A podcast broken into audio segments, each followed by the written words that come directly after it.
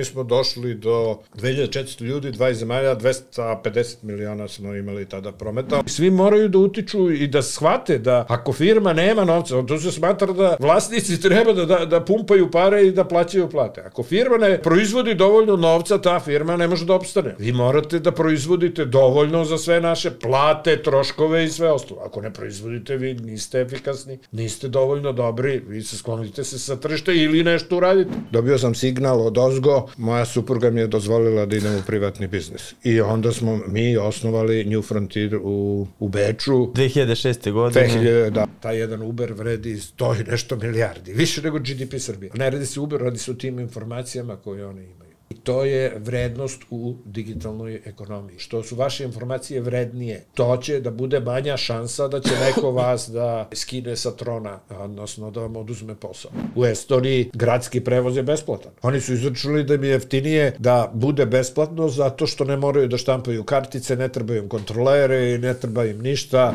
Mi držimo i Južnoafričku banku i banku na Malti, i banku u Rumuniji i banku u Kataru i, i tako je u biznisu. Što veću vrednost informacija ja vama dam, to više vredi. Potreban ti je poslovni račun u inostranstvu, Payoneer ima rešenje za to. Bez obzira da li se nalaze u Americi, Aziji ili Evropi, klijenti ti veoma brzo i jednostavno mogu platiti lokalnim bankovnim transferom i to u valuti koja njima odgovara. Zaboravi na beskrajnu papirologiju i brzu online registraciju otvori račun u regionu gdje su i tvoji klijenti i to već danas. Radi globalno, plaćaj lokalno. Uz Payoneer kreni odmah. Registruj se preko linka koji se nalazi u opisu ove epizode. 3. i 4. aprila vidimo se na najvećoj biznis konferenciji u regionu, Biznis priče konferenciji. Preko hiljadu preduzetnika na jednom mestu, dva dana, radionica, predavanja i druženja. Imaćete priliku da vidite neki od najpoznatijih gostiju podcasta i još mnogo toga. Karte su u prodaji na sajtu Biznis priče. Neko skaliranje i dalje neki ono level up. Tako ćemo da krenemo. Apsolutno, da, da. Učite iz grešaka. Biznis priče.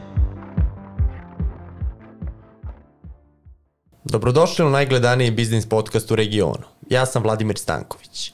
Danas u gostima Bane Vujović, osnivač i predsjednik upravnog odbora New Frontier grupe, autor knjige, penzioner od skoro i kolega s fakulteta. Tako Bane, dobrodošli u biznis priče. Hvala vam na pozivu, bolje vas našao. A, ima još tih titula, titula kako gađaš ti poslova kojima se bavim, ali ovaj, lepo ste to opisali. Da krenemo od ovog kolega s fakulteta. Da. Završili ste fon. Jesam. Završio sam fon kod profesora Branka Lazarevića, radio sa njim, uživao. To je bilo vreme kada je bilo važno da se takmičimo sa Amerikancima ko će da ima bolji program na fakultetu i bilo je zaista zanimljivo sa njima sarađivati i raditi, tako da sam u, u tome uživao i moram da priznam, ja sam našao sebe u tom delu koji je bio vezan za IT, ali i za biznis, poslovne modele i to mi je ostala pasija sve do kraja. Ja se ja sam se time bavio i bavim se još i danas. I sad tek shvatam da u penziju u stvari sada možda najviše znam. Sada tek znam nešto i nešto razumem, a za koju godinu ću vi, vi, sigurno misliti da još bolje znam i više razumem. Rekli ste u penziji sad više radite nego... Da, to je tačno. Ovaj, znate, upravljati firmom, pošto sam ja bio i CEO i predsednik firme, nije jednostavno iz jednog prostog razloga, za mene, iz jednog prostog razloga. Dođem ujutru u ofis pre nego što je bila korona, mi smo ovaj, sedeli po ofisima i a, ima milion pitanja koje me čekaju. Pitanje da li, pošto moramo da krečimo u ofisu neke zidove, da li će zid da bude zelen ili crveno, ne ostavljaju meni da ja odlučim i takve stvari. Tako da, ovaj, bilo je jako puno neproduktivnog rada koji sam morao da obavljam, a od kad sam u penziji, ne više to ne radim, niko me više ništa ne pita.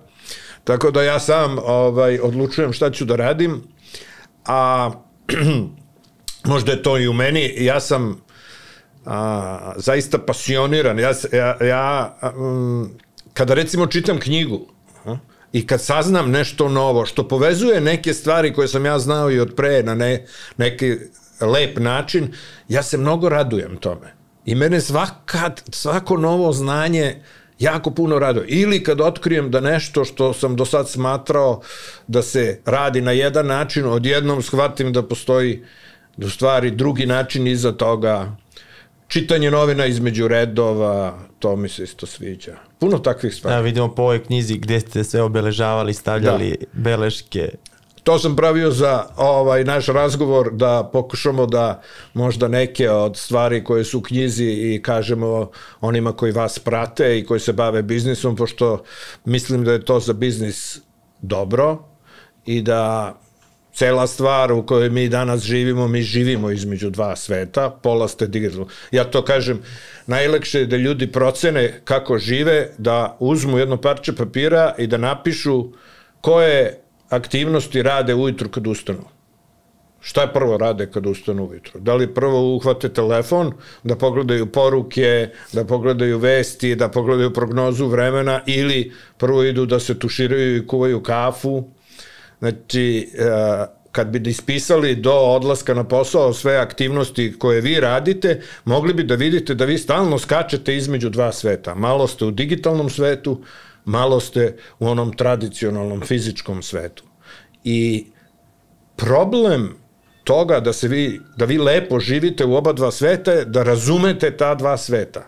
I cela knjiga je baš o tome da razumemo da mi živimo između dva sveta, ali da razumemo kakva su ta dva sveta i šta one predstavljaju i kako se radi biznis u njima, kako se živi u njima. I ja mislim da to može ljudima da pomogne. Ja sam se trudio da napišem najbolje što umem, naravno ja nisam pisac, pa ne mogu to tako lepo kao neki drugi, ali sam se trudio da ne bude tehnički, da ne bude suviše tehnološki, nego da bude baš biznis i životno orijentisan. Gde ste pekli zanat?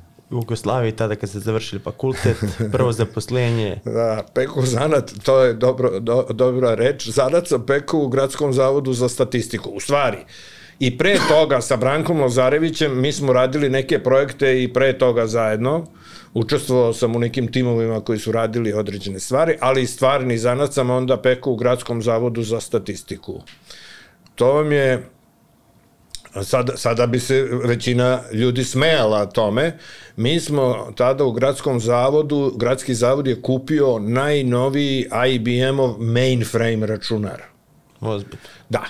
To vam je ovde u Tiršovoj, to je bio, bio i spektakl kad se on unosio, to su dizalice velike došle, unosili smo ga na četvrti sprat koji smo morali da ojačamo da bi, ušli, da bi ušao taj računar.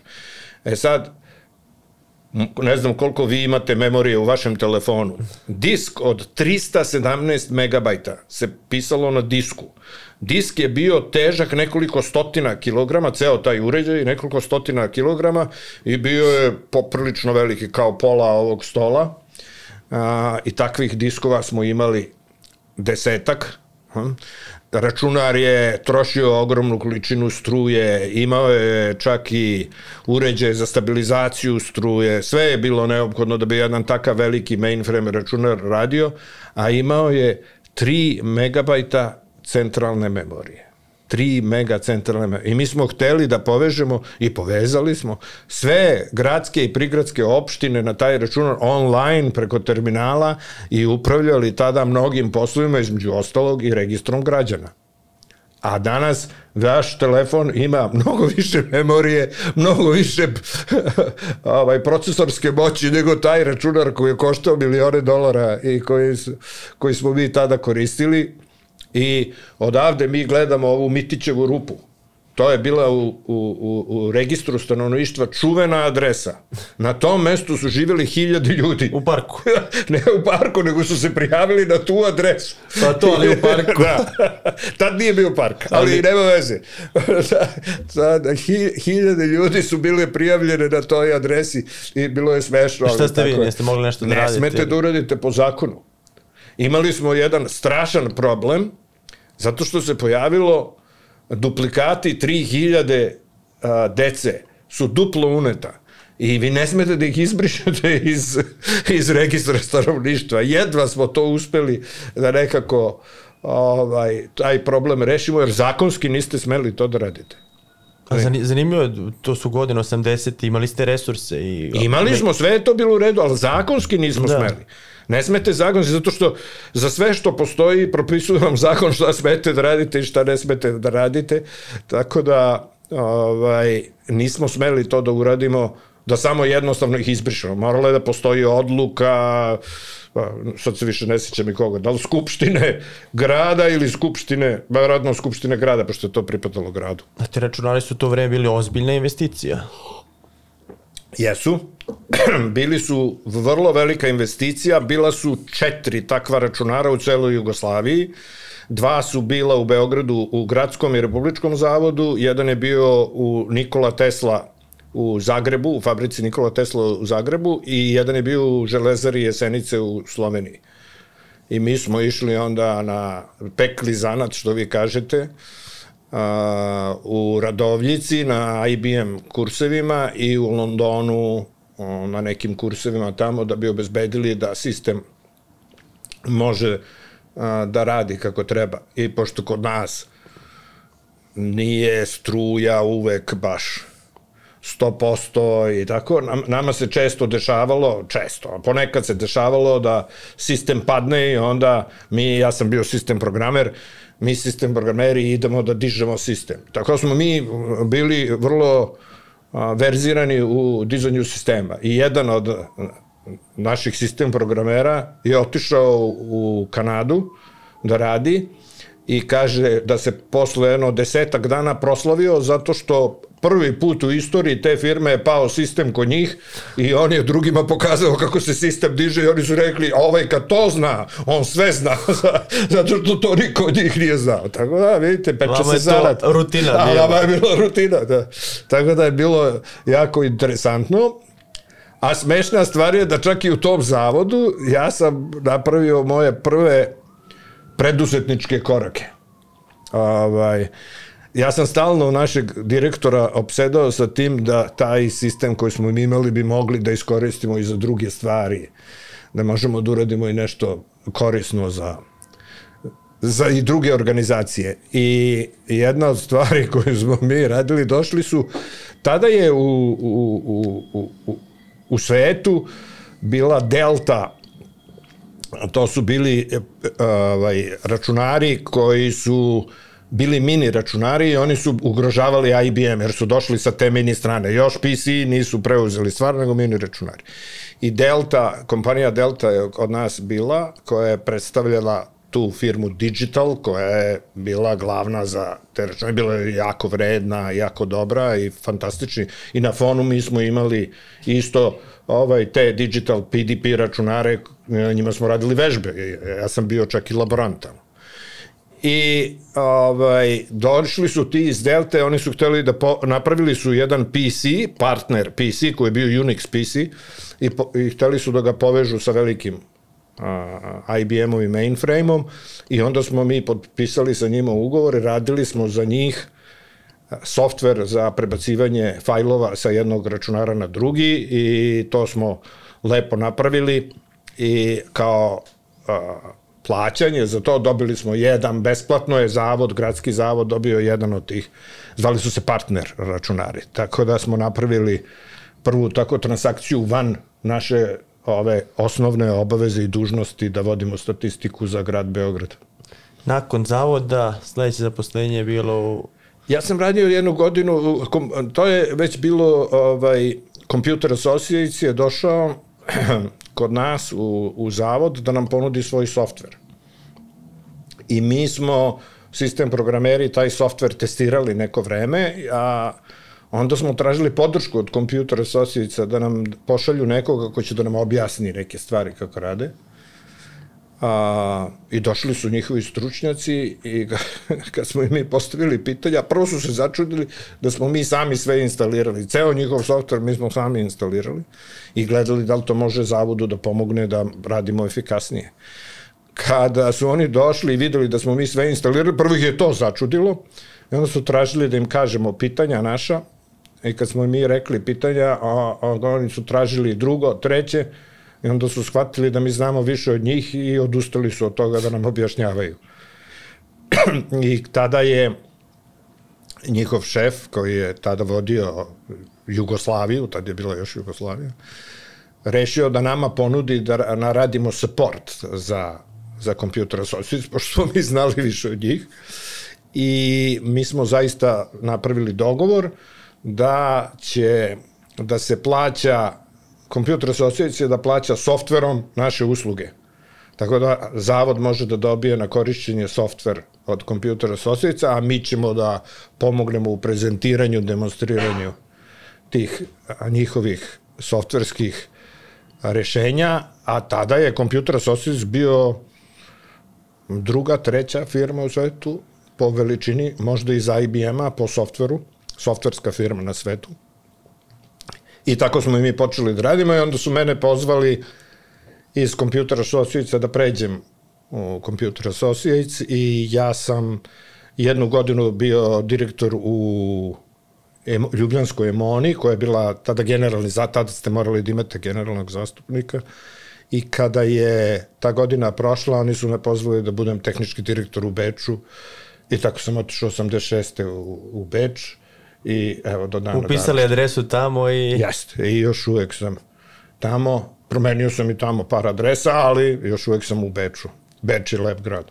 I to je zanimljiva stvar. Uh, radili ste u velikim korporacijama tamo, upoznali i buduće partnere, uh, razmišljali ste o preduzetništvu, međutim niste mogli, to je supruga nije dozvoljavala, je li tako? Ne, ovaj, kad sam ja za, a, završio karijeru u, u Computer Associatesu tako što sam bio 15 godina, bio sam senior vice president u Computer Associatesu, um, ja sam shvatio da ili ću da za uvek ostanem u CA ili ću da promenim firmu. I onda sam prešao u MC i u EMC-u sam otvorio i ovde u Beogradu uh, predstavništvo, odnosno firmu, ne predstavništvo, nego firmu ko- EMC i u nekim drugim zemljama i radio do 2006. godine sam radio u EMC-u i onda sam dobio signal od Ozgo, a pošto je moja ćerka jedna doktorirala na University College London, a druga je uradila drugi masters na Edinburgh univerzitetu, dobio sam signal od Ozgo, moja supruga mi je dozvolila da idem u privatni biznis. I onda smo mi osnovali New Frontier u, u Beču i 2006. godine. 2000, da, u, u, u, ovaj, smo osnovali New Frontier i počeli da radimo i to je, imali smo ovako, vi imate odlične stolove, mi nismo imali ni stolove, nego smo imali one x noge ovaj, samo i od ozgo dasku jednu. A onda smo kupili da bi izgledali bar malo uljudno, kupili ovaj, čoju jednu koju smo stavili preko zelenu, koju smo stavili preko tog stola i to nam je bio konferencijski sto. I doneli od kuće one stolice koje su se Ikea. sklapaju, Ikea, da, i sve stavili okolo i sad kad smo ušli, kad su nam ušli iz banke da pregovaramo o finansiranju našeg poslovanja, oni su rekli nama, o, pa vi ste baš stvarno startup. A, a mi smo rekli, jeste, mi smo startup, ali već imamo prvu mašinu smo kupili. Šta ćete da pijete? Cappuccino, espresso, kafe latte? Imali smo kafe mašinu kao prvu mašinu koju smo kupili. Onda su me citirali na nekim od ovih konferencija da za do uspešan startup prvo moraju da kupe kafe mašinu. Dobru kafe mašinu. Da. To je, a gde ste vas četvorica je bilo U, osniva, da, u osnivača tada, radili u to je ekipa iz MC-a, da, da, znači. Da, da. Mi smo radili u MC-u. Dva i- Austrijanca, Dva Austrijanca i Dejan Popović i ja. I posle su nas Austrijanci napustili, a Dejan Popović i ja smo ostali i Dejan sada vodi sve. Ovaj, ja sam samo u nadzornom odboru i nemam operativnih obaveza što mi odgovara. Kakva je vizija tada bilo? Krećemo firmu, već ste imali dosta iskustva, hteli ste odmah da krenete, ako niste hteli sad da zapošljavate da krećete jedan po jedan, već akvizicija drugih kompanija. Tako je. Naša ideja je bila da od na našem tržištu u regionu je postalo puno, puno firmi, je postojalo koje su bile vrlo dobre prema customerima. Pričate o regionu O Balkana. regionu celom, pa, pa malo istočna Evropa, okay. to je bio naš region. Ja sam bio zadužen za istočnu Evropu, Tursku, Grčku, a ovim neki od ovih su bili zadržani i, za još neke dodatno zemlje, tako da smo imali iskustvo iz dosta, a, a bili su sve američke firme, znali smo kako rade i šta rade. i mi smo smatrali da je neophodno da se a, te naše lokalne firme koje su zaista okrenute prema kupcu i rade sve za kupca, a bore se na drugoj strani sa stranim firmama, sa tim multinacionalnim i američkim firmama koje ne mogu, i ne da one neće, nego ne mogu da vode računa o tako da. malim tržištima i morali su sami da to prilagođavaju i da popravljaju, da ćemo mi da, ako spojimo nekoliko takvih firmi koje imaju najbolje i najvrednije kastomere, da ćemo nam moći da napravimo jednu svetsku firmu koja će da doda dodatnu vrednost sa lokalnim proizvodima i da napravi veću vrednost za te klijente, velike firme u ovom regionu i to smo počeli da radimo na tome i to smo i radili i to smo delimično, ne delimično, nego potpuno i uspeli. Mi smo došli do 2400-500 ljudi u 20 zemalja, pokrivali, imali svoje softverska rešenja, svoja a, a, timove, to, to su sve bili vrhunski inženjeri u raznim zemljama koji su svašta mogli da urade. Naravno, bilo je i stvari koje nismo, da kažem, predvideli, raznih stvari koje nismo predvideli, a A, ali dešavale su se 2008. je bila finansijska kriza, posle je ponovo bila kriza, tako da smo mi morali da se borimo i da se prilagođavamo tome i onda je počela i digitalna revolucija i mi smo pokušavali na najbolji način da se uklopimo u tu digitalnu revoluciju i da promenimo svoje poslovanje da bi pomogli našim klijentima da oni dobiju vrednost, da stvorimo s njima vrednost u, u digitalnom svetu. I zato sam se ja bavio baš ovim od početka, to je bila moja, a, moj zadatak da se bavim sa inovacijama u firmi. i digitalnom transformacijom. Tako je. E sad zanimam, rekli smo da ste krenuli sa akvizicijama. Kako ste birali kompanije koje ćete akvizirati tada? Pa mi smo već znali puno kompanija iz regiona, jer um, mi smo radili sa tim firmama i EMC i Computer Associates su imali partnere. Mi smo znali sve te firme, većinu firmi.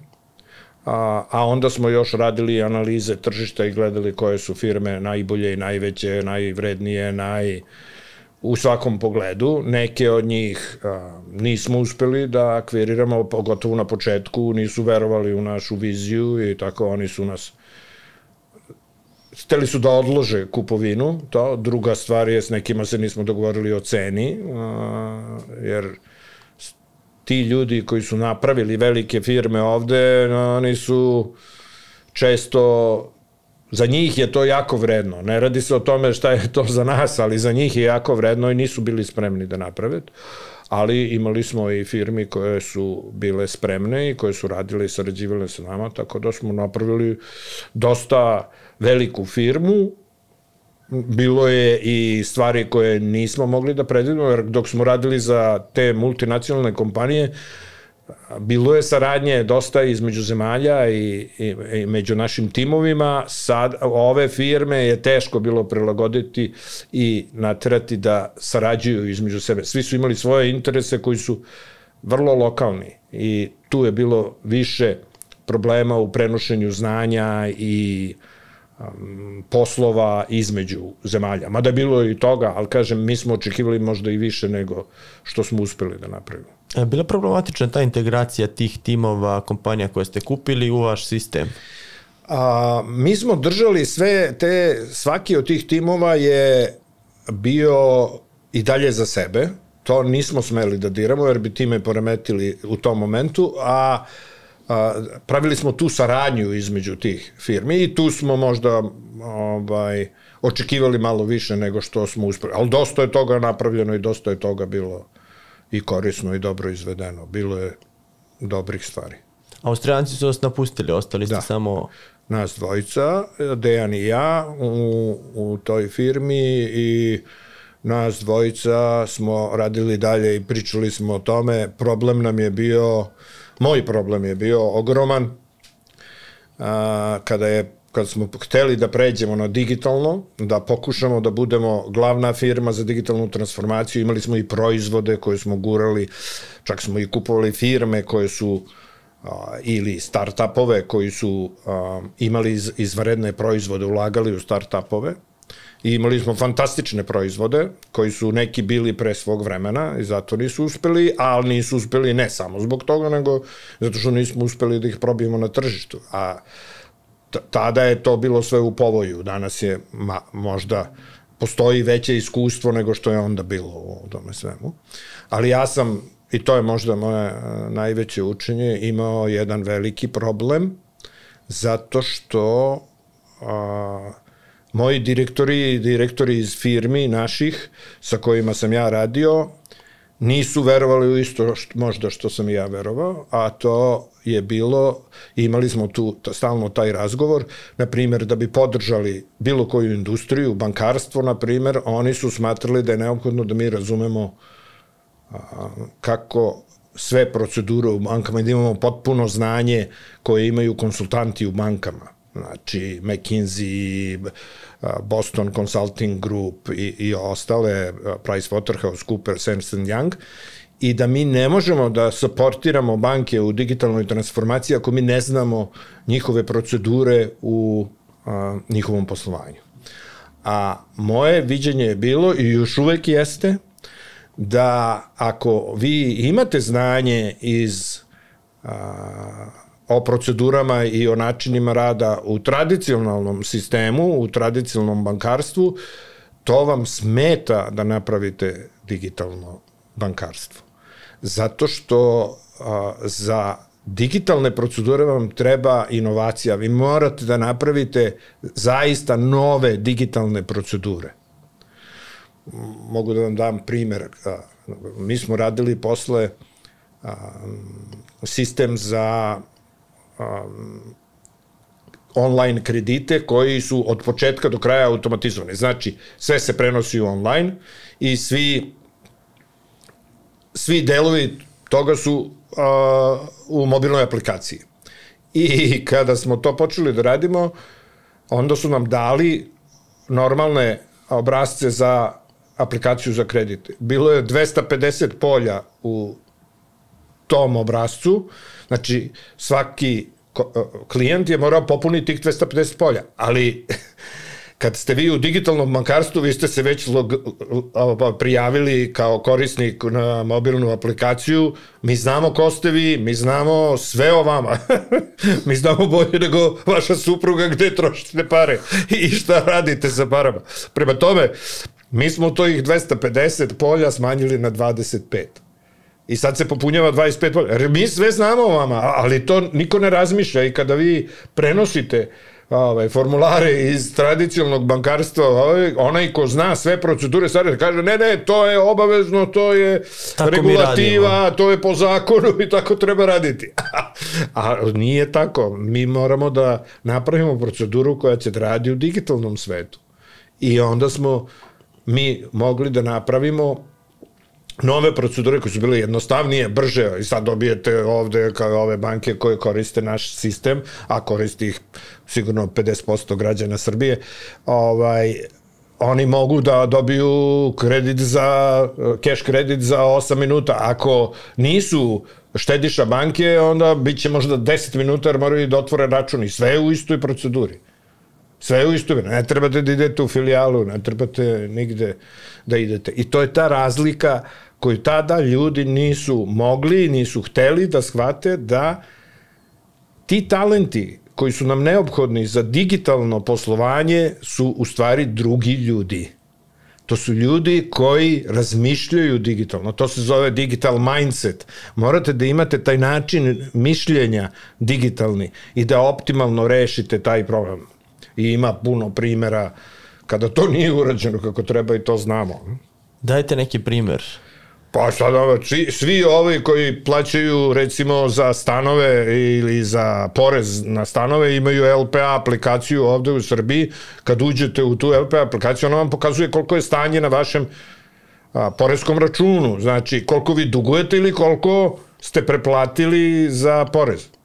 I ja kad sam prvi put ušao, vidim minus, a znam da sam ja platio više nego što su mi tražili i gledam čemu je problem minus, minus, kako minus, a, i onda shvatim da to u stvari oni samo vade iz svog sistema, poreska, lokalna poreska uprava, vade to iz svog sistema i oni daju onako kako u njihovom sistemu. A oni su napravili sistem još pre mnogo godina, takav da oni vide koliko oni duguju nekome i koliko njima neko duguje, a ne, a sad daju meni informa, tu istu informaciju ne menjajući. Samo da pomnože s minus jedan bilo bi meni logično, ali oni to ne rade. Tako da, to vam je najbanalniji primer, o, o, o, a da ne pričamo o tome što imate tu aplikaciju, pa onda imate web aplikaciju isto za poresko, a ni jedna ni druga vam ne daje rešenje Ne, ne stavi i vaše rešenje tu, nego vam samo prikazuje stanje, a ne znate koje je rešenje i tako dalje i tako dalje. To ima milion stvari zato što se radi digitalizacija onoga što postoji u fizičkom svetu umesto da se uradi digitalna transformacija. Digitalna transformacija, i sama reč kaže, je prevođenje prevođenje vašeg poslovanja iz fizičkog sveta u digitalni svet. A kojim industrijama je bilo najviše otpora ili sa kojim klijentima je bilo najviše otpora? A slušajte, um, prvo imate generacijski, stari ljudi nisu vični. Dosta je pomogla korona, nažalost, nažalost, dosta je pomogla korona da i stariji ljudi krenu da koriste digitalno bankarstvo, da koriste plaćanja, da koriste usluge uh, to se zove e-uprava ovde, da, i, i, i druge usluge koje su online. Idealno je za za administraciju, za, ima toliko dobrih primjera iz uh, državne administracije koji su napravljeni u mnogim zemljama i koji strašno pomažu, a ima i primjera gde a kao što je ovaj za lokalnu poresku upravu, gde nisu razmišljali samo kako da se stave u to, taj, taj moment da se vi stavite u cipele, odnosno u ulogu korisnika i da onda prilagodite tome je dosta a, nije baš dovoljno zastupljen zato što su ljudi navikli, pogotovo zato što to rade IT ljudi u, u, u svim tim državnim upravama i u svim tim bankama, IT ljudi rade i oni gledaju sve sa svog aspekta, a ne sa aspekta klijenta. Je li Saga najveća kompanija bila u grupi? Nije.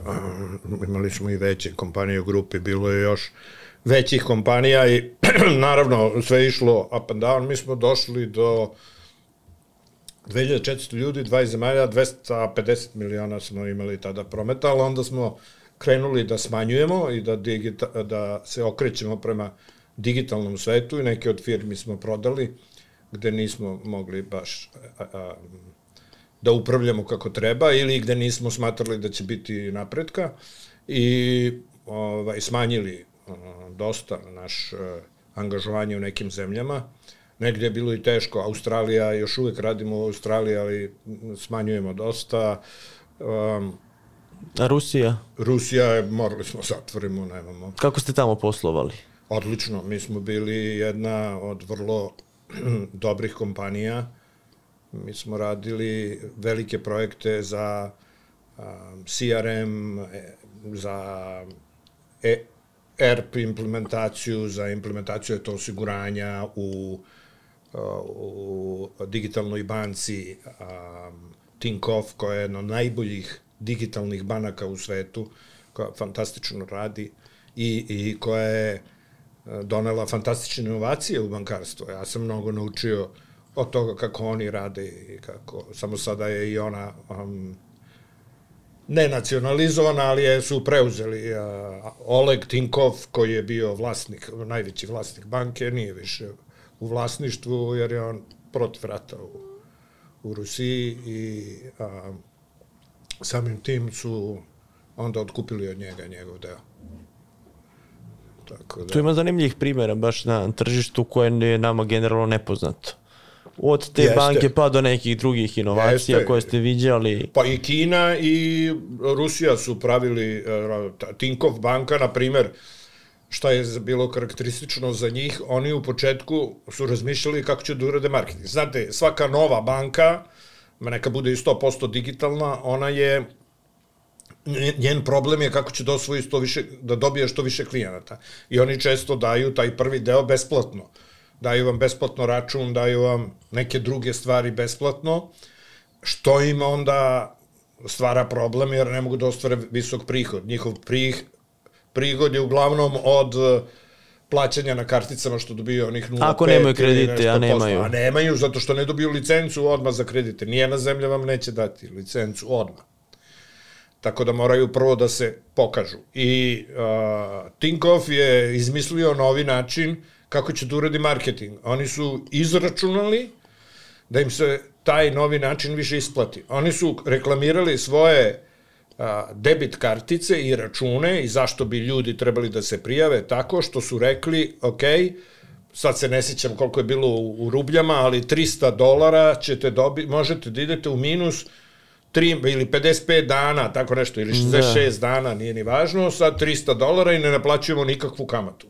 I tako su dobili ogroman broj klijenata, a znali su da neki ljudi neće vratiti taj novac i oni su to uračunali, to im je bio trošak, to im je bio marketing Da. trošak, to su iz marketing fonda uradili i dobili su ogroman broj klijenata, ali oni su i dalje vrlo dobro radili sa tim klijentima i doveli do toga da su sada druga banka u, u Rusiji i da su prva digitalna banka tamo. Oni između ostalog svoj risk rade 90 i nešto, da li 5 ili 7% na osnovu svojih internih podataka, a ne koristeći ništa drugo. Tako da oni jako koriste podatke koje imaju, napravili su super app, oni vam prodaju i karte za bioskop i možete taksi da naručite, oni su uzeli licencu za a, a, virtualnog mobilnog operatera, da bi samo držali klijente što više u, u, u svojoj super aplikaciji i oni, njihov a, KPI je da vi što više vremena provedete u toj, toj njihovoj aplikaciji i da što više se komunicirate, što više komunicirate sa njima, jer tako oni ostvaraju veću zaradu. Iz koji ste grešaka najviše naučili tokom vođenja firme? U, grešaka je bilo mnogo, jako mnogo, a ovaj, znate, um, prvo što ne znate, neke stvari ne znate, niste nikad radili kao i vi što radite u vašem poslu, pa ne znate. Drugo što ta strast, ta, ta, taj passion koji vi imate prema nekoj stvari, kad, kad hoćete nešto da uradite, je i dobar i loš. Dobar je zato što vas vodi i vuče da nešto završite, a loš je zato što vi ne možete da vidite često gde je ta granica kad ste prešli granicu i kad bi trebali da stanete. I to naučiti da pustite. Da pustite projekte, da pustite ljude, da pustite customere, da pustite a, firme. Ako vam ne proizvode i ako vam ne donose, vi morate da izračunate da li ta firma vredi ili ne vredi i da li je bolje da je pustite. Da li je čovek ko- koji je dobar i koji sve radi dobro, ali iz nekog razloga se ne uklapa kako treba, da li treba i njega da pustite da ode? Da li projekat koji radite treba da pustite? Ja, na primer, mi smo imali jedan fantastičan softverski projekat koji smo radili, Discord se zvao, to je kao sada Snapchat, samo mnogo i širi i bio je pre svega toga i ja sam bio zaljubljenik u taj proizvod i mi smo to u Poljskoj razvijali i imali smo dobar tim ljudi više je bilo to da koje funkcionalnosti će imati taj proizvod i ja to nisam mogao da pustim. Trebao sam da pustim mnogo ranije, ali ja nisam mogao da pustim zato što sam ja bio, kažem, zaljubljen u taj proizvod i smatrao sam da je proizvod fantastičan za digitalno poslovanje, a ovaj, na kraju sam morao da pustim. Koliko vremena je prošlo? Pa dobro, bilo je raznih razloga, tu je bilo raznih stvari, između ostalog mi smo a, napravili drugu grešku koja je bila da smo prihvatili da radimo jedan veliki projekat, ali nismo uskladili a, kako treba ciljeve sa klijentom. Klijent, znate, vi, ja i vi razgovaramo o nečemu, vi mislite na jedan način, ja mislim na drugi način, a govorimo isto. I to je isto, da kažem, umetnost ovaj, tada znati da mi razgovaramo o različitim, na različiti način o istoj stvari. A, mi smo sa tim klijentom, bio veliki, ogroman projekat i mi smo sa tim klijentom razgovarali na, na pogrešan način. mi smo prihvatali neke njegove želje, kako ćemo mi to njemu da napravimo i to će da radi i to, a, i stalno smo pričali, ali ovo vam je najvažnije. Njega na kraju ispalo to uopšte nije interesovalo što smo mi njemu nudili, nego je želeo da mi napravimo u stvari za njega potpuno novi ovaj, proizvod, odnosno da skrenemo proizvod u drugu stranu i to nije uspelo i ovaj, posle toga smo morali da rasformiramo taj tim i da zaustavimo, mi imamo taj kod još uvek i to za mene je to veliki promašaj koji smo mi napravili i koji sam ja napravio i koji nisam uspeo da da prvo tog klijenta pravilno sa njim da napravimo deal, a onda posle toga nisam zaustavio na vreme sve to. I sve to zbog komunikacije. Sve zbog komunikacije. To je sve, ali, znate, to je, lako je reći sada zbog komunikacije, a slušajte, Ali. kad vama neko dođe i kaže vam projekat, sad vama, kad bi ja došao i rekao vam projekat par miliona, šta bi vi rekli? Vi bi pokušavali na sve moguće načine da, i kad vi vidite da tu ima zajedničkih tačaka i sličnosti, onda vi pokušavate da to nekako spasete i napravite. Međutim, a, u nekim od tih stvari to nije moguće tako napraviti. Nije uspelo. Ali mnogo toga nije uspelo, šta smo mi sve hteli, ali nismo uspeli, a nismo uspeli zbog, vidite kakva je politička situacija, kakva je ekonomska situacija, to je, često se dešavaju preveliki šokovi i koliko god da ste vi pametni i spremni, mnogi od tih stvari vas iznenade i onda morate jako brzo da se prilagođavate i morate da pustite određene stvari i da propadnu ili da odu ili da, kao i to customera, da smo ga pustili, da nismo ove, išli s njim u taj projekat, možda bi uspeli da nađemo nekog drugog koji bi sa nama radio ono što mi hoćemo. Za koji projekat ste bili sigurni 100% da će uspet, uspeti, a nije uspeo? To je teško reći, pa ne to taj, taj sam mislio da će uspeti sigurno. I ja sam za celim timom to gurao i interno i eksterno i tako, ali nismo uspeli. I morali smo da zaustavimo taj projekat. To je recimo projekat koji je uspeo, a bilo i drugi, bile su firme koje su radile određene projekte i onda tek vidite da to ima određenih problema, da ima određenih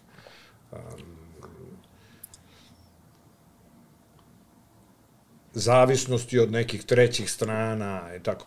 Ima razno raznih situacija koje se dešavaju. No, vi morate da balansirate tu želje klijenta, mogućnosti vaših ljudi, mogućnosti proizvoda koji nudite. To, nekad je to jako komplikovano. Doktorirali ste digitalnu transformaciju u bankarstvu, Magistrirao, magistrirali i onda ste napravili firmu koja se bavi samo bankarskom industrijom, odvojili posebno. Jeste, to je NF Nova koja radi ovde u Beogradu i to već ima deseta godina kako se mi time bavimo, mi držimo um, i Južnoafričku banku i banku na Malti, i banku u Rumuniji i banku u Kataru i mislim u mnogim zemljama a, ovde u regionu isto da radimo sa puno banaka i mi se trudimo da napravimo to digitalno bankarstvo, prvo da napravimo proizvod, kompletan proizvod, i mi pravimo platformu za digitalno bankarstvo. Znate, um, o tome smo ma- malo i razgovarali, jedan od velikih problema u bankarstvu je što ako uzmete neku veću banku, Deutsche Banka ima 6000 aplikacija u njihovom informacionom sistemu. 6000 aplikacija. Od aplikacija za kreditne kartice, CRM, risk aplikacija, i one sve treba da budu integrisane i da komuniciraju. To je jako, jako teško. Ista stvar je i sa brojem aplikacija u digitalnom bankarstvu. Istorijski su banke a, razvijale prvo web bankarstvo, pa onda prvo je bilo neko client server bankarstvo, pa web bankarstvo, pa mobilno bankarstvo, pa ne znam, kiosci, pa i sad imate ovo konverzaciono gde veštačka inteligencija s vama razgovara. Znači ima jako puno kanala po kojima se radi i kako je to u vremenu ovaj, se razvijalo, tako su se razvijale aplikacije, odnosno rješenja za to bankarstvo. Tako da mnoge banke imaju posebno bankarstvo, mobilno bankarstvo za građanstvo. Imaju mobilno bankarstvo za srednje i male firme. Imaju mobilno bankarstvo za velike firme, za korporacije.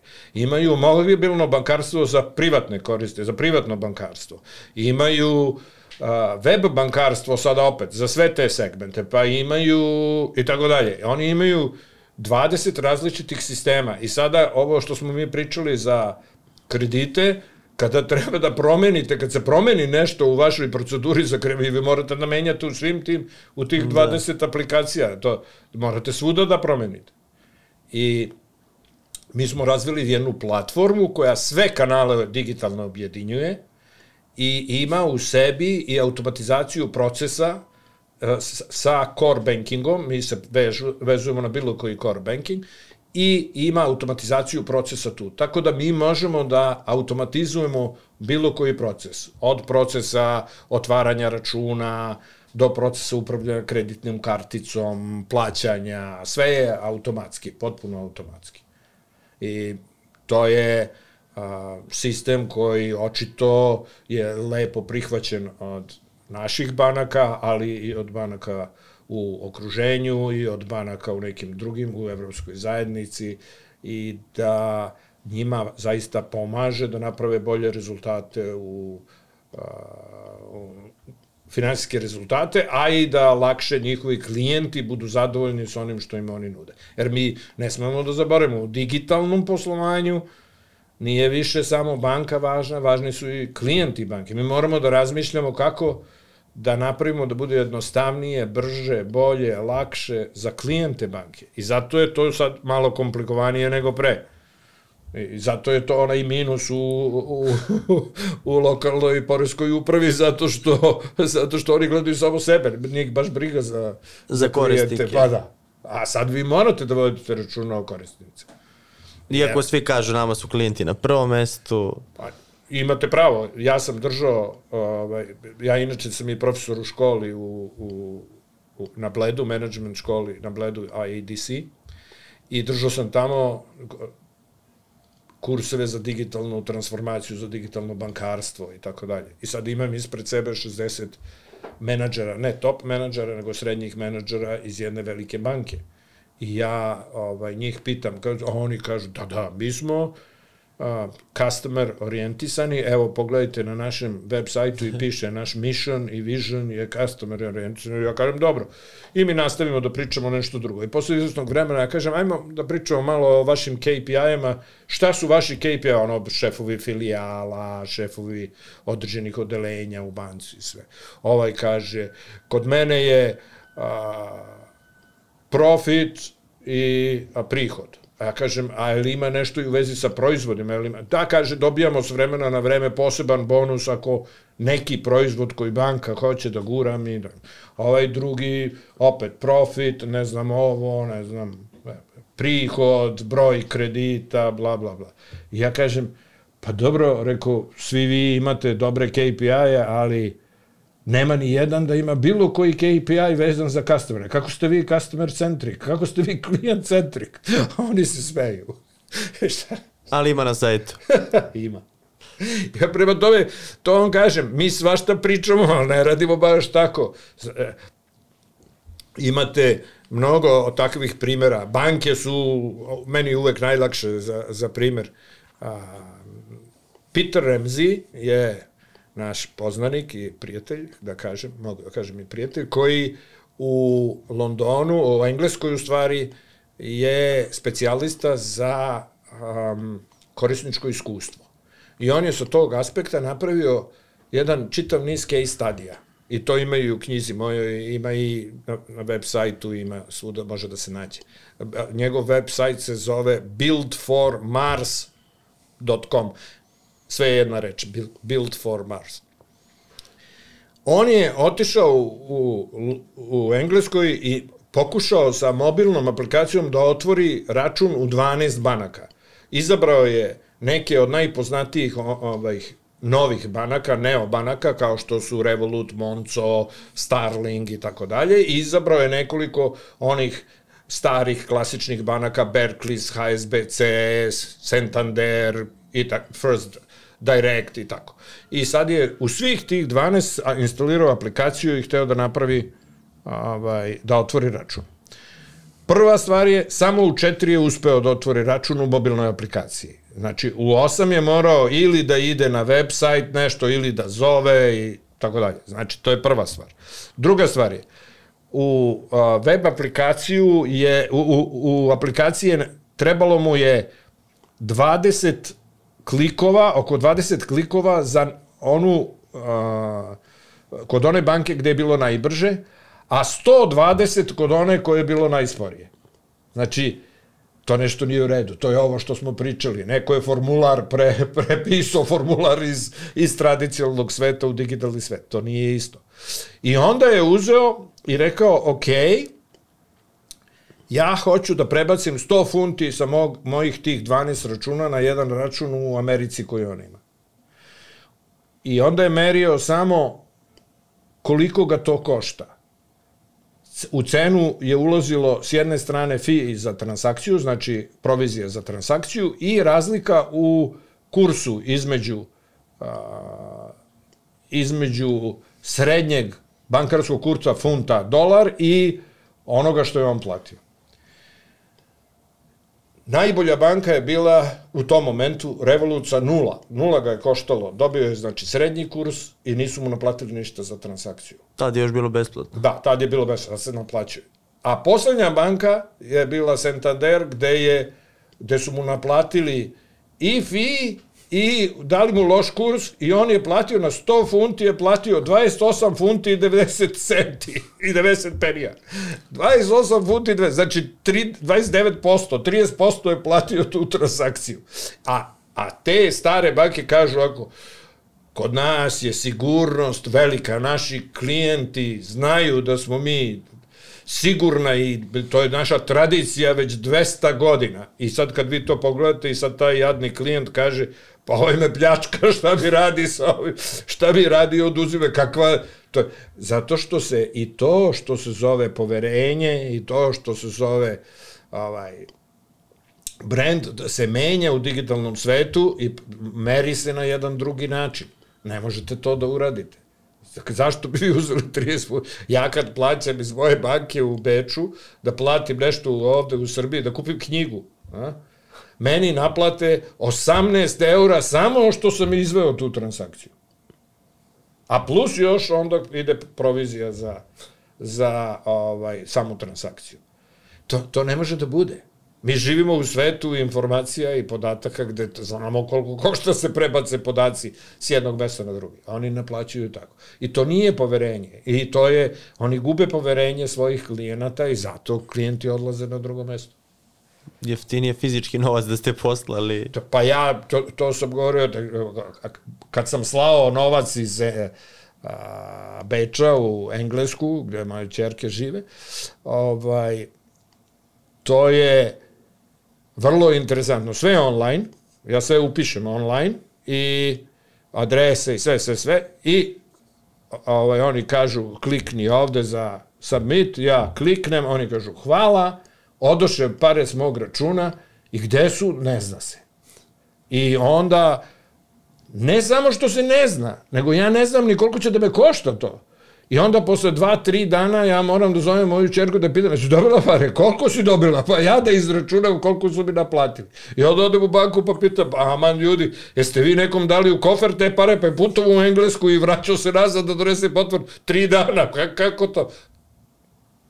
I sad je to poverenje. To nije poverenje. I to je razlika između digitalnog poslovanja i ovog tradicionalnog poslovanja. I to je za, zašto ja sad koristim Wise za prenos para i uradim u istom momentu. Wise mi javi i kaže mi ova transakcija vam je trajala 3,6 sekundi, što je brže nego što je Jess Owen trčao 36. na olimpijadi u Berlinu, 100 metara. Prema tome, da, tako oni se šale sa porukama koje ovaj, vam šalju i Vajz vam tačno kaže koliko će da vas košta, kad će da stigne, sve je ovaj, napravljeno. E, ali imaju šanse tradicionalne banke pored neobanki?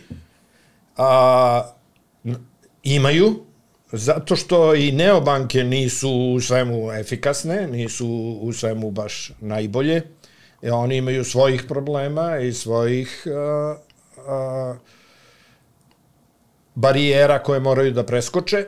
A, kod njih je problem drugi. Kad Neobanka krene, oni nemaju klijente. I oni moraju da dobiju klijente. I oni to rade tako što nude sve besplatno. To je prvo.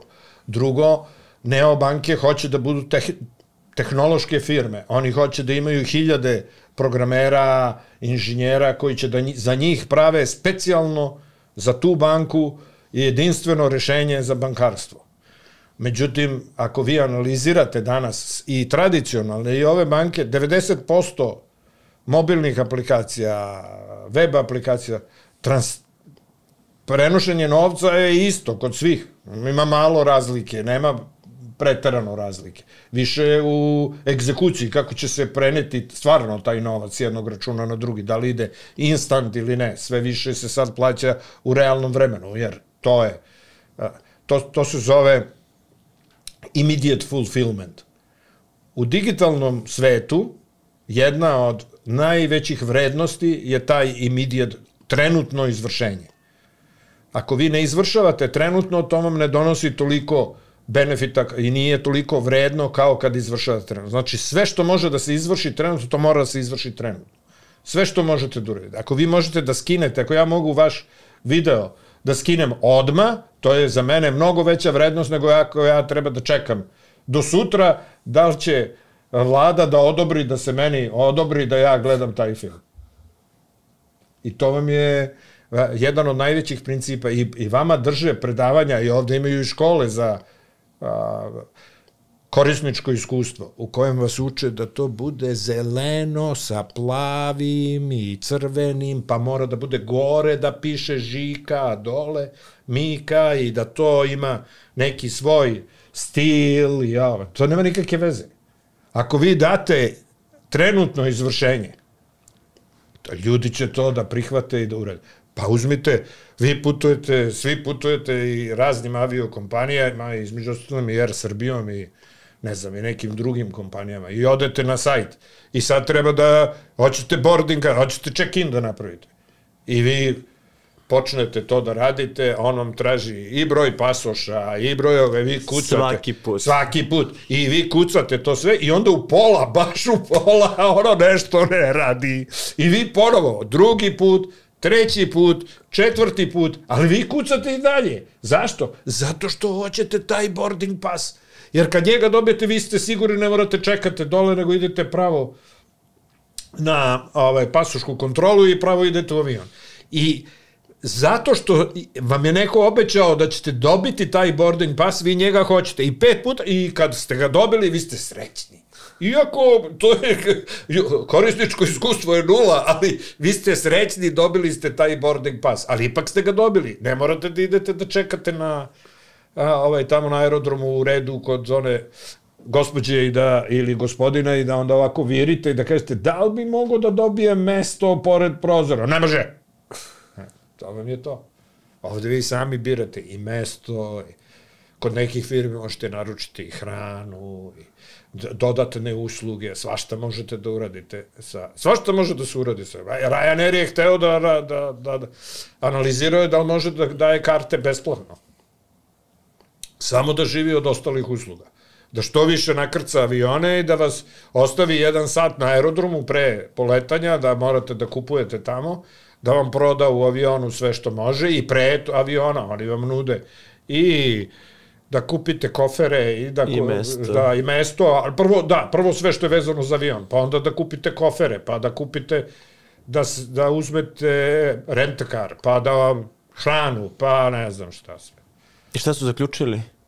Pa još uvek nisu to počeli da rade, jer im ovako vidite kao da, da, da im ide dobro, u- za razliku od nekih drugih aviokompanija. Dobio ovaj CEO tortu čime su ga gađali skoro. Pa dobro, ali znate šta, činjenica je da je uh, s- sam način, kako, on- to je veliko pitanje, to vam je ta egzekucija.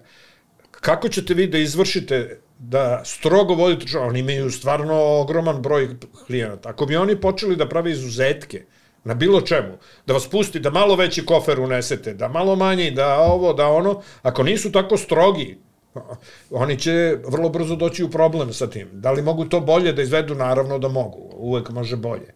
Ali, nažalost, ovaj, ako hoćete da letite po toj ceni, a sad oni već uzimaju i više nego što je samo ta najniža cena i prave relativno dobre profite, a, ako hoćete po toj ceni da letite i sa Ryanairom, to, to je cena, pa vi birajte. Možete slobodno da letite i sa drugim aviokompanijama.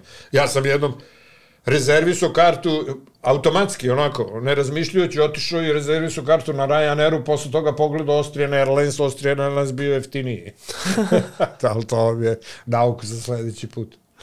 Večita diskusija, outsourcing, proizvodi, šta to spre, spreča većinu kompanija da ima i svoje proizvode? Pa, zato što to Nije nije, lako. Nije lako. Nije ni malo lako. Ne, napraviti proizvod možda i jeste. Evo, to vam je primjer i ovaj naš. Mi smo taj diskurs napravili i bio je super, po meni, super proizvod, ali nismo uspeli da ga plasiramo na tržište kako treba i nismo uspeli da dobijemo ovaj, to prihvatanje od strane klijenata, oni nisu bili spremni na to, možda je bilo prerano za takav proizvod.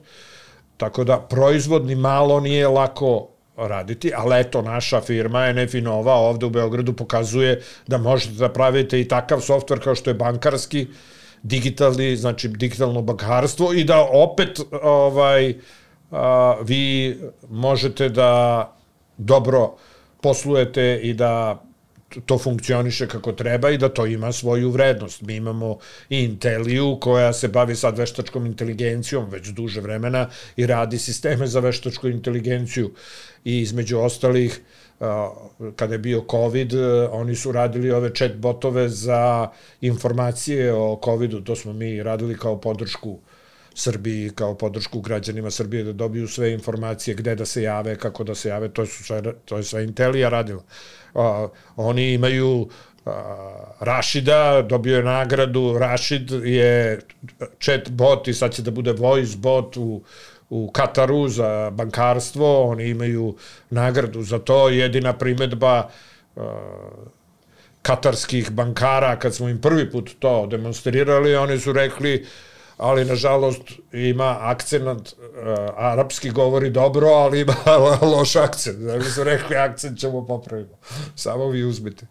Tako da, to je primer da mogu da se rade proizvodi i da pro- proizvodi su mnogo veća vrednost, mnogo stabilnije, mnogo, na, nažalost ili na sreću, ne znam, u, u, ovde kod nas se mnogo radi outsourcing, gde vi uglavnom prodajete samo kapacitete ljudi i onda kad se desi da dođe do neke krize, onda opada potražnja i onda vam ljudi sede na klupi i to mnogo košta i ne možete da podnesete, morate da smanjujete. Ali to je isto i dobar primer za to kako mi posmatramo biznis. Znate, aha, pitanje je šta je to firma, šta je to preduzeće, kako to funkcioniše. Jer ako sad vas ima ovde 100 u, u, u ovom u ovom vaš, u ovoj vašoj firmi i ako odjednom potražnja za tim što što vi radite padne u jednom momentu iz nekog bilo kog razloga, ekonomska kriza, šta god da je, i ako padne dole, vi imate dve alternative. O, imate više u stvari, ali ili će vlada da, ili neko drugi, svi vi ćete da uzmete i da pumpate pare u firmu i da plaćate ljudima plate i da gubite novac, ili ćete da smanjite broj zaposlenih. Nemate treće šta, šta da uradite u, u ovoj situaciji. I o, sad je pitanje da li je to ispravno, da li je to socijalno, možda mi živimo suviše u nekom socijalizmu još od ranije. To je tako. I po meni vi morate da imate dogovor sa svim zaposlenima i svi, svi moraju da utiču i da shvate da ako firma nema novca, to se smatra da vlasnici treba da, da, da pumpaju pare i da plaćaju plate. Ako firma ne, ne, ne proizvodi dovoljno novca, ta firma ne može da opstane. Može da opstane mesec dana, dva meseca, ali ne može za uvek. Vi morate da proizvodite dovoljno za sve naše plate, troškove i sve ostalo. Ako ne proizvodite, vi niste efikasni, niste dovoljno dobri, vi se sklonite se sa tržišta ili nešto uradite, smanjite, nema druge. To ste davali primjer i u knjizi, taj marginalni trošak, da li je skalabilno ili nije. Jeste, pa evo to je ovo što vi radite. Vi, vi se bavite digitalnim poslovanjem. I vaše poslovanje je digitalno. Šta vi u stvari radite? Vi sad pretvarate, evo, vi i ja smo sad atomi. I vi pretvarate nas dvojicu, atome i naš glas ili sve što mi ovde radimo u bitove. I onda će da bude streaming svega toga. I to su dve potpuno različite ekonomije. Za atome vi imate ograničene resurse. Ima ograničeno atoma. Ne možete da... I u proizvod koji ima, ovaj, ako je ova čaša proizvod, vi imate ograničeno resurse, ograničeno stakla imate u svetu. Koliko god da je to mnogo, ali je ograničeno. I to je takozvana a, ekonomija koja radi u ograničenom, sa ograničenim resursima. Ako ih pretvorite u bitove, ako možete da pretvorite ovo što mi sad razgovaramo u nekakve bitove, vi do, ulazite u svet neograničenih resursa. Bitove vi možete da duplicirate koliko god hoćete i ništa se neće izgubiti od originala i možete da ga distribuirate koliko god hoćete. A razlika je u tome što vi imate ovde cenu ove proizvodnje, ovoga što mi radimo. To ima svoju cenu. Vi uložite određeni trud i napor i ovi svi uređaji i sve ostalo. A posle toga distribucija kroz digitalne kanale je vrlo, vrlo jeftina.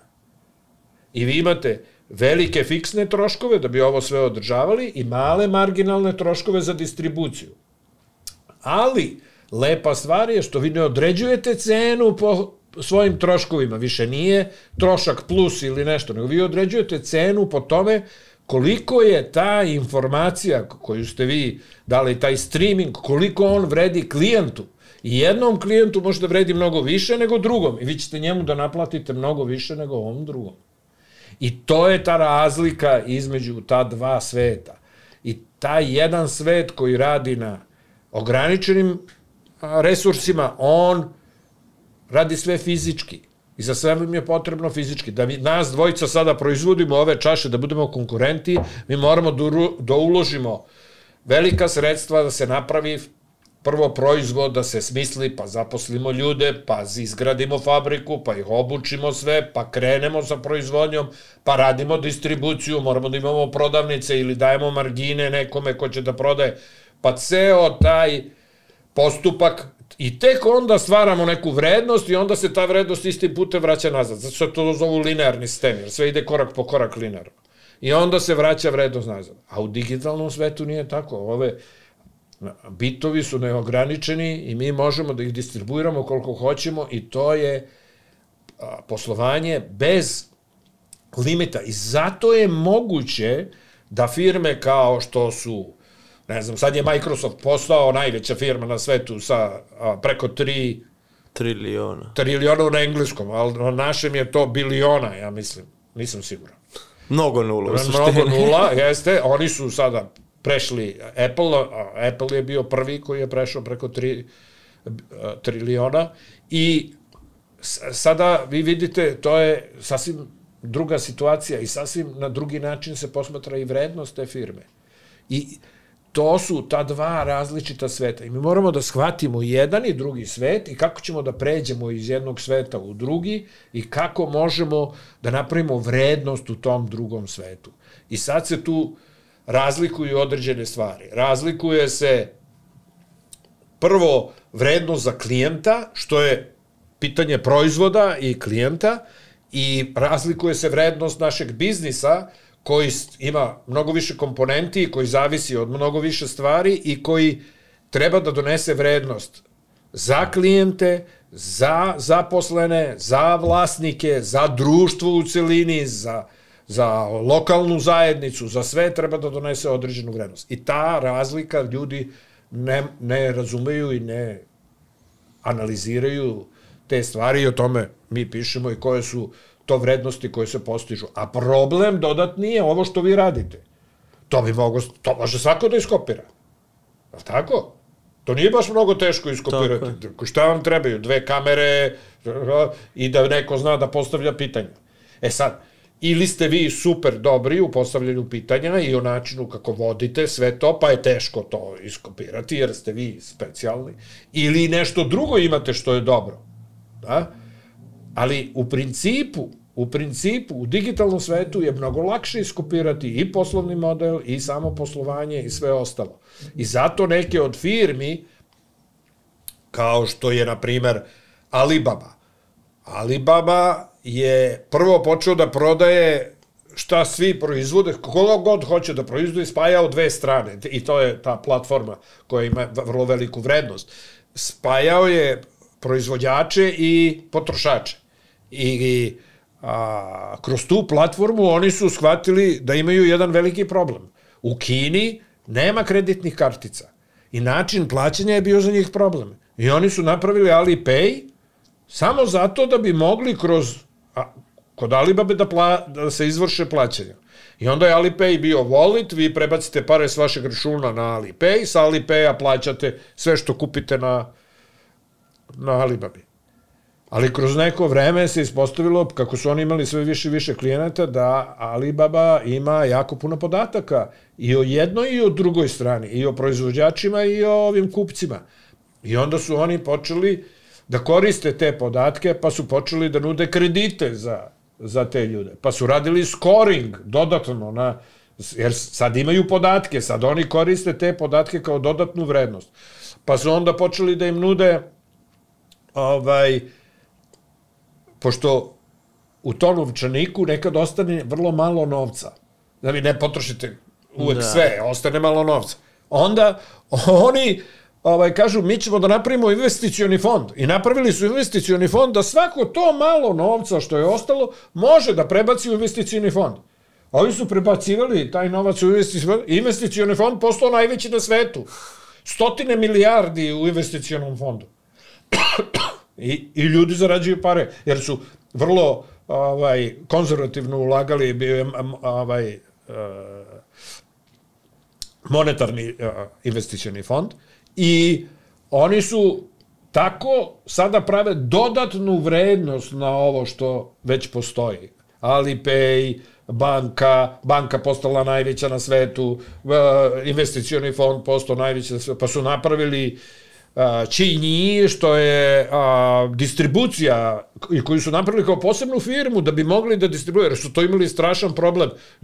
Krali su pakete koji su dolazili, sve, da. oni su obezbedili, sada rade sve automatski u, u distribuciji, uh, hoće da za 24 sata svaki paket stigne u Kinu bilo gde, s bilo koje tačke u bilo koje tačku i hoće da za 72 sata stigne bilo gde u svetu, ali to sad neće zbog ovih situacija da. sa Kinom i sa...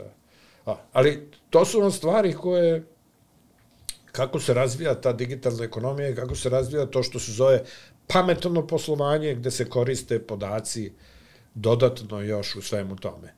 Ja uvek volim da koristim primer kad koristite Uber, kada vi uzmete Uber na čemu je baziran Uber? Vi imate mobilni telefon, vozač ima mobilni telefon. Vaš mobilni telefon a, daje svoju geolokaciju i vi tražite, hoćete prevoz.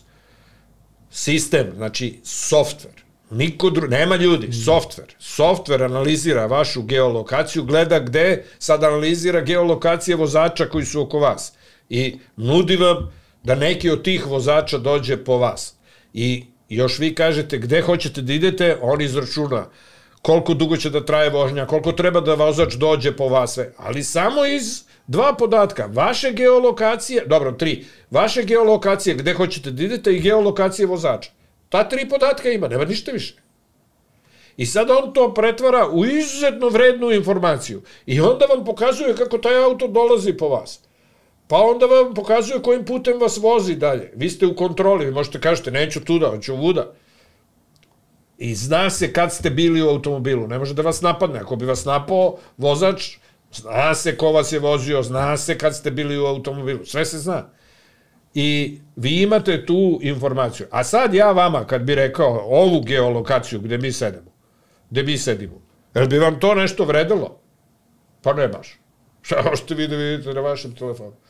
A pošto znam da vi svi imate ove, jahte dole u Crnoj Gori, ove, da ste na moru i da je oluja i da ovaj, su uređaji prestali da rade i ništa više nemate konekciju na mobilne telefone i neko da vam kaže geolokaciju, vi bi bili presrećni. To je najvrednija informacija koju možete da dobijete. Znači, postoje tri stvari. Podatak, od kojih se pravi informacija, onda se iz informacija prave vredne informacije. I ta vrednost informacije može da bude različita. A, jednu vrednost ima kad vam kažem, jer ja vam izračunam na osnovu nje koliko, kada će doći auto po vas, drugu vrednost ima ako vam kažem u, u, u Oluji, u, u Jadranskom moru, i spase vam život time što sam rekao vašu geolokaciju, to ima sasvim drugu vrednost. I to je tako uopšte. Ako vam ja kažem ono što vi znate, ko što smo rekli, ovu geolokaciju, to vam nije vredno uopšte. I tako je u biznisu. Što veću vrednost informacija ja vama dam, to više vredi. I to je ta ekonomija bitova. I ovaj, zato vi možete da kažete da te geolokacije, taksiste, korisnika, cilja i to sve zajedno ovaj, vredi 100, 100 i nešto milijardi dolara, što je ovaj, više nego GDP Srbije taj jedan Uber vredi 100 i nešto milijardi, više nego GDP Srbije. A, a ne radi se Uber, radi se o tim informacijama koje one imaju. I to je vrednost u digitalnoj ekonomiji. I ako vi to razumete, onda ćete drugčije da radite na tome. I branite se od konkurencije time što vi povećavate vrednost vaših informacija, što su vaše informacije vrednije. To će da bude manja šansa da će neko vas da da ovaj, skine sa trona, odnosno da vam oduzme posao. Posle skoro 20 godina vođenja firme, osnivanja firme, zaokružili ste taj ciklus i prodali firmu. Da, pa, ja mislim to je logično da ovaj, mi smo završili taj ciklus, uradili sve što smo trebali da radimo, ali imamo mi još firme, ja radim i sa i kao biznis anđeo sa nekim start-upovima, radim i sa nekim drugim firmama i tako. Mene vodi to da napravimo nešto što zaista vredi, ta vrednost informacije, da napravimo nešto što zaista vredi. To me interesuje, time se bavim i imam taj drive da učim, još uvek volim da učim, da čitam, da, to mi se sviđa. A kad pričamo to anđeo investiranju, da. koji su to projekte u koje ste investirali, gde ste do njih dolazili, pa ovdje čuli? Ima, ima da, pa je, nešto smo, ja sam bio jedan od, kad Saga je jedan od a, jedna od firmi koje učestvuju u Digitalnoj Srbiji, Digitalna da. Srbija radi to, ima i drugih. Mi smo gledali ovaj B2B, tamo smo investirali a, a,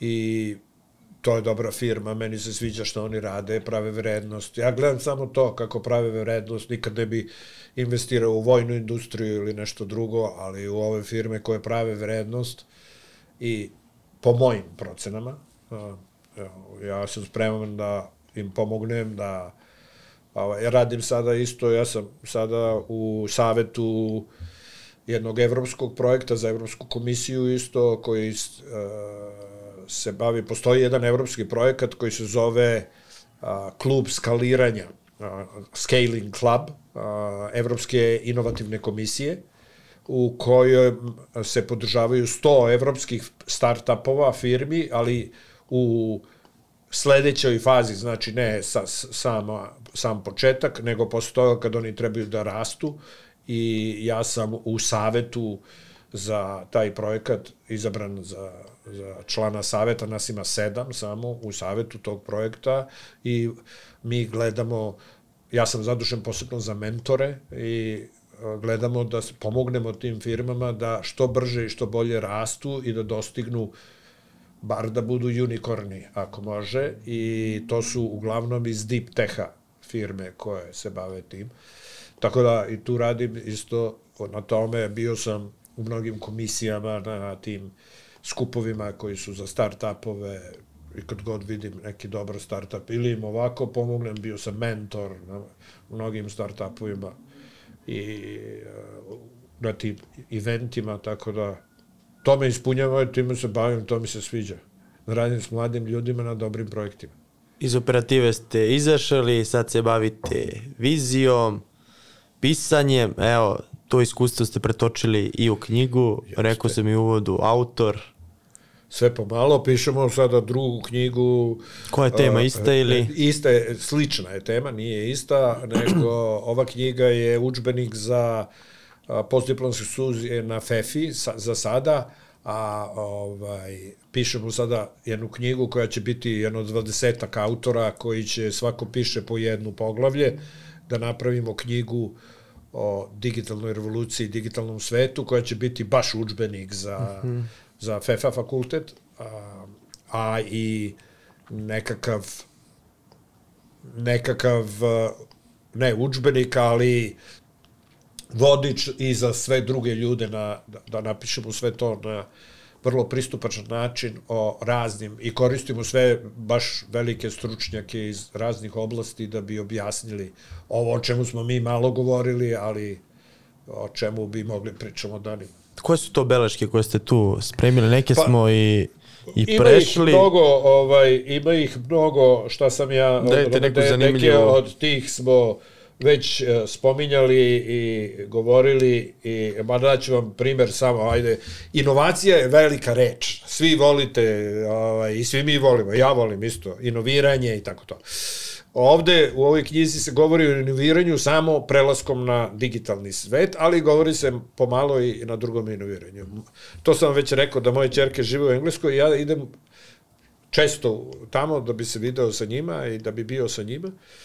I u početku kad sam odlazio, a to ste i vi verovatno primetili svako ko je putovao za London, imate ovaj black cab koji taksi crni, koji je užasno neudoban ovaj, kad sedite pozadi, letite levo i desno dok on vozi, pogotovo kroz londonski gusti saobraćaj i tako. Ali je tradicija u Engleskoj i on može da okrene ispred hotela Savoy. Ima takav anšlag, što bi rekli na srpskom čistom, da može da okrene ispred hotela Savoy u Londonu i tako se meri. I to je mu je glavna stvar. Međutim, posle izvesnog vremena ljudi su iz Peugeota sa ta, Peugeotom E7 napravili inovaciju. Taj Peugeot E7 je kao Mercedes Vito, onako kao kombi. Zna?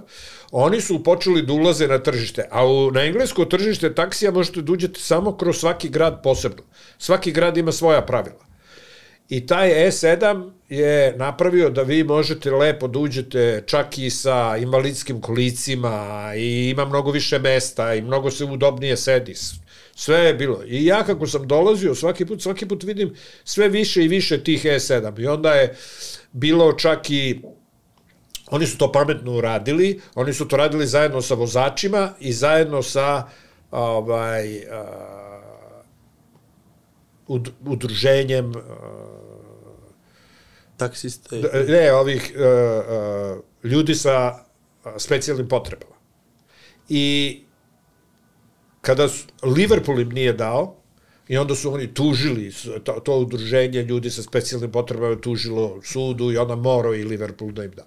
I ja sam gledao kako svaki sledeći put kad dođem, sve je više i više ovih E7 Peugeot taksija. I sve polako preuzimaju tržište. Grad po grad, oni su polako preuzimali tržište. I onda dođem posle nekoliko meseci ponovo, odjednom se pojavi Mercedes Vito, isto taksi, isto sve. Ne. Ja pogledam, malo se zainteresujem, Mercedes je došao kao drugi, znači ne kao prvi. Ovi su se ubili ovaj Peugeot da dobiju dozvolu, da dobiju se.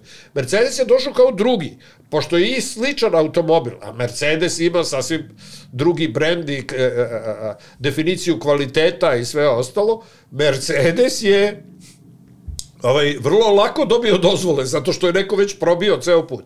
A Mercedes je uradio samo jednu stvar. Analizirao je sa vozačima ko, šta je to što nedostaje ovom E7. I oni su rekli, jedan od problema je da je malo mesta za vozače. Da je to jako skučeno. I oni su to malo proširili i napravili isto, sve isto što je drugo i počeli da preuzimaju od strane uh, a, Peugeota tržište. Sve više i više. I sve, svaki put sledeći kad sam išao sve više i više bilo Mercedesa. I sad je ispalo da će Mercedes da preuzme tržište. A onda su proizvođači ovih Black Caba su prodali svoju firmu Kinezima. I Kinezi su kupili tu firmu i počeli su da proizvode automobile koji imaju hibridni pogon.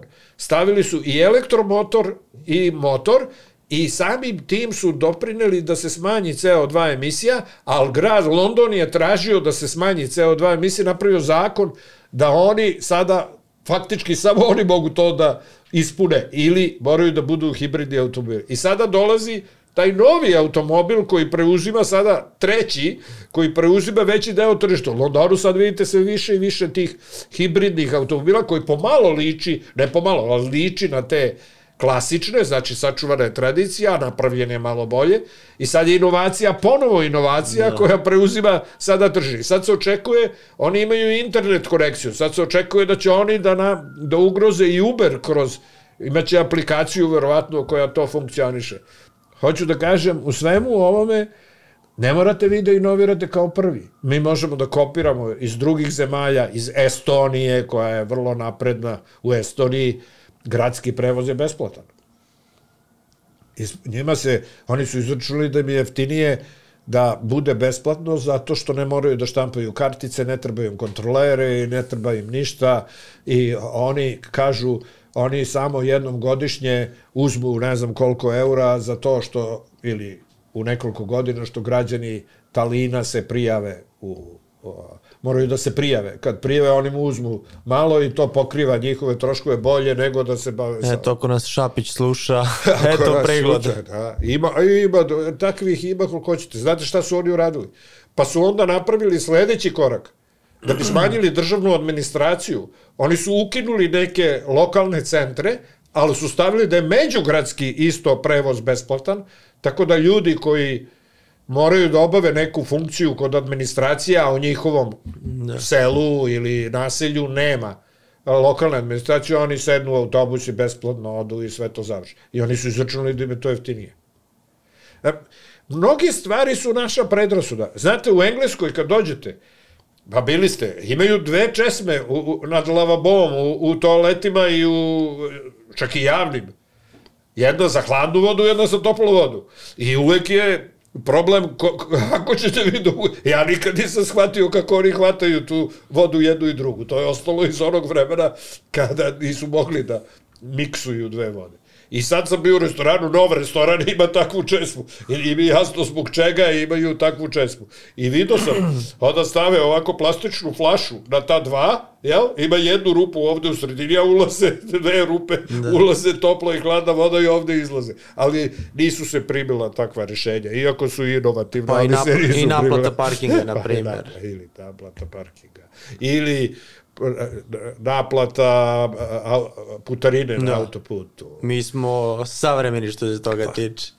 Ali, ovaj, ima milion, milion takvih ideja, u svako može da izmisli neku dobru ideju, ali te inovacije, kopiranje inovacija nije uvek prvi najbolji, da može drugi, treći mogu da budu i bolji nego što je prvi. Koje su to knjige koje su ostavile uticaj na vas, iz kojih ste mnogo naučili, koje preporučujete? Ima mnogo dobrih knjiga, recimo ovaj, Smart Business, to je pisao eh, eh, eh, Chief Strategy Officer, Officer Alibaba, to je vrlo dobra knjiga o digitalnoj ekonomiji. A, zaista za preporuku svima ima u ostalom ima puno ovde u, u mojoj knjizi ja sam se pozivao na razne ove druge knjige jer mnogi ljudi mnogo bolje znaju nego što ja znam i onda sam koristio razne druge knjige koje su i tu se nalaze o eksponencijalnom poslovanju od a, Diamantisa koji je i predsednik udruženja, ne znam, evo to može da vam bude interesantno, postoji jedan projekat a, a, X a, X a, setit ću se, sada daju 100 miliona daju nagradu onome ko pomogne da se CO2 a, uh, kako da se sabira CO2 i kako da se skladišti CO2, pošto ne veruju da može da se uništi,